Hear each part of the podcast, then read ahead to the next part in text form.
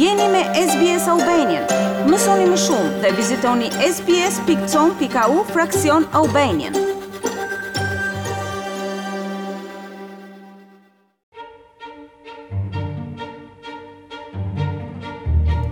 Keqbërësit e skemave kanë përfituar nga frika e njerëzve gjatë pandemisë COVID-19.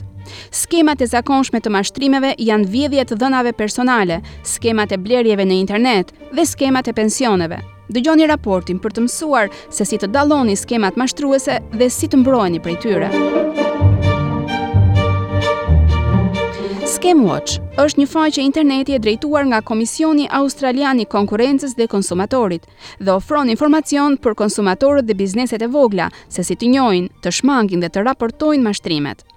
Faqja e internetit ka marrë mbi gjashtë mijë e katërqind e pesëmbëdhjetë raportime mashtrimi që përmendin koronavirusin, me më shumë se nëntë milionë e tetëqind mijë dollarë humbje të raportuara që nga fillimi i shpërthimit të Covid nëntëmbëdhjetë.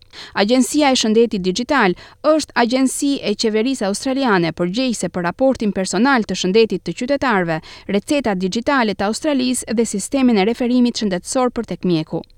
Doktor Steve Hambleton është këshilltari kryesor i Agjencisë Australiane të Shëndetit Dixhital.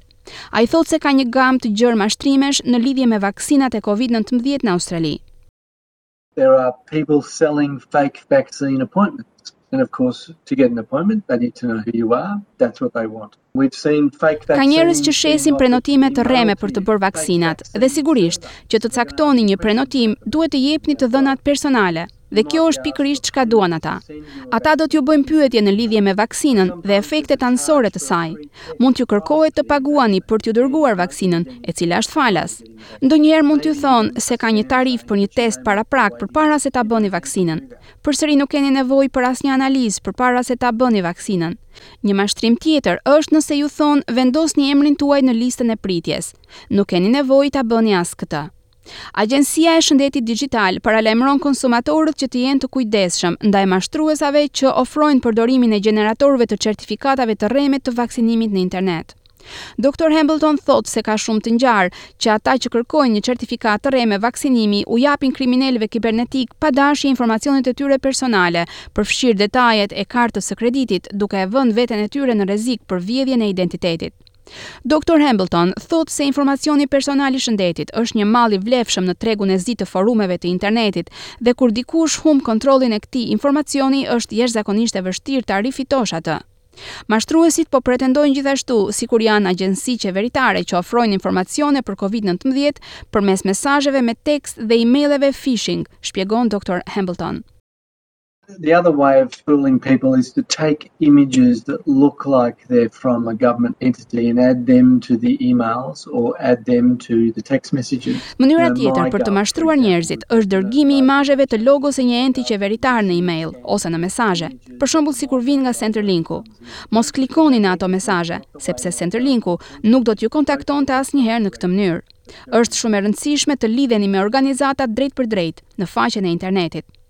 Doctor Hambleton thotë se mashtruesit mund t'ju telefonojnë ose t'ju kontaktojnë përmes mediave sociale, e-mailit ose mesazheve me tekst.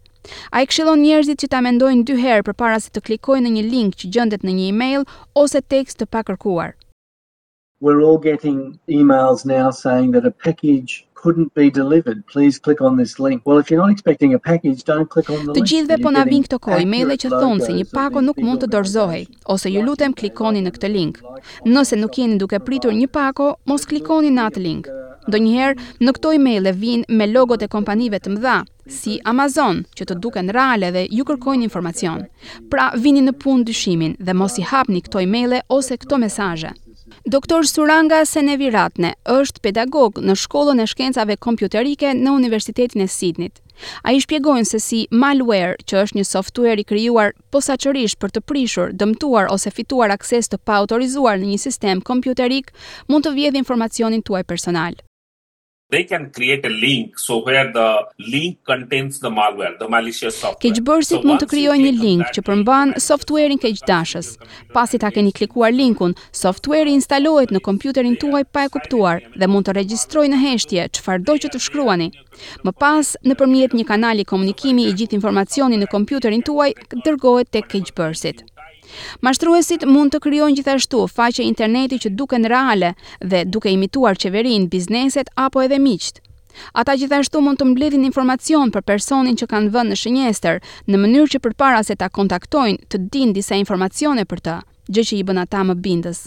Mashtruesit kanë krijuar gjithashtu dyqane të rreme në internet që pretendojnë se shesin produkte që nuk ekzistojnë, duke filluar nga kurat ose vaksinimet për Covid nëntëmbëdhjetë deri tek produkte të tilla si maska për fytyrën. Shanton Chang është profesor në Shkollën e Informatikës dhe Sistemeve të Informacionit në Universitetin e Melburnit. Ai thotë se mashtruesit zakonisht duan detajet personale të njerëzve.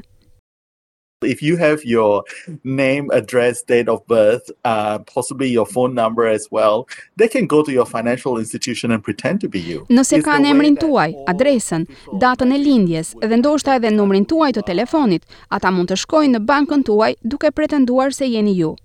Ai thotë se të dhënat personale të dikujt mund të shiten në tregun e zi të internetit, gjë që rezulton në vjedhje identiteti.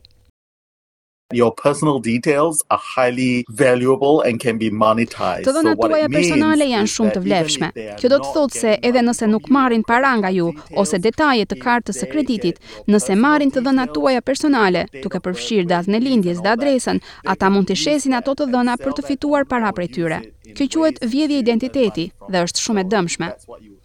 Doktor Priyadarsi Nanda nga Fakulteti i Inxhinierisë dhe Informatikës në Universitetin e Teknologjisë në Sidni thotë se puna nga shtëpia i bën njerëzit më të prekshëm ndaj mashtrimeve. Because we are all uh, working from home, we don't have any necessary security measures in our network or how we are connected to the internet. Për shkak se të gjithë po punojmë nga shtëpia, nuk kemi masa të nevojshme sigurie për lidhjet me internetin.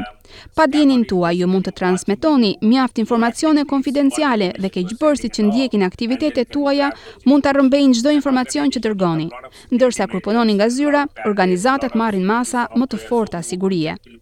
Pandemia ka krijuar situatën e duhur, nga këndvështrimi socio-psikologjik dhe ekonomik, që mashtruesat të gjejnë lehtë viktima në shoqërinë tonë. Mashtrimet e biznesit gjithashtu janë rritur gjatë pandemisë. Keqbërësit po përfitojnë gjithashtu nga njerëzit në vështirësi financiare për shkak të Covid nëntëmbëdhjetë, duke u përpjekur t'u vjedhin pensionin, duke ofruar shërbime të panevojshme dhe duke ngarkuar edhe një tarifë për to, shpjegon Doktor Hambleton. There's been a early access to superannuation earlier in this pandemic and again preying on people who are desperate or at risk. Siç e dini, shumë njerëz gjatë pandemisë i kanë përdorur më herët pensionet e tyre. Dhe përsëri shumë prej këtyre njerëzve të dëshpëruar janë bërë pre e mashtrimeve, duke u besuar mesazheve të tilla që u thonë, vizitoni këtë link dhe ne mund t'ju mundësojmë që ta merrni më herët pensionin tuaj ose asistencat qeveritare. Doktor Hambleton thotë se është e rëndësishme që viktimat e mashtrimeve t'i raportojnë ato. there's been thousands of scams reported and there's people have actually lost money and people get embarrassed about that and they don't report it. And if you think you've been scammed, you really should tell someone, you really should inform people. Ka patur me mijëra mashtrime të raportuara, por ka njerëz të cilët kanë humbur para dhe u vjen turp për këtë dhe për këtë shkak nuk raportojnë. Unë mendoj se nëse keni rënë pre e mashtrimit, është e rëndësishme të tregoni dhe të informoni të tjerët. Edhe nëse jeni të shqetësuar nga këto skema, ekziston një faqe interneti që do t'ju ndihmojë.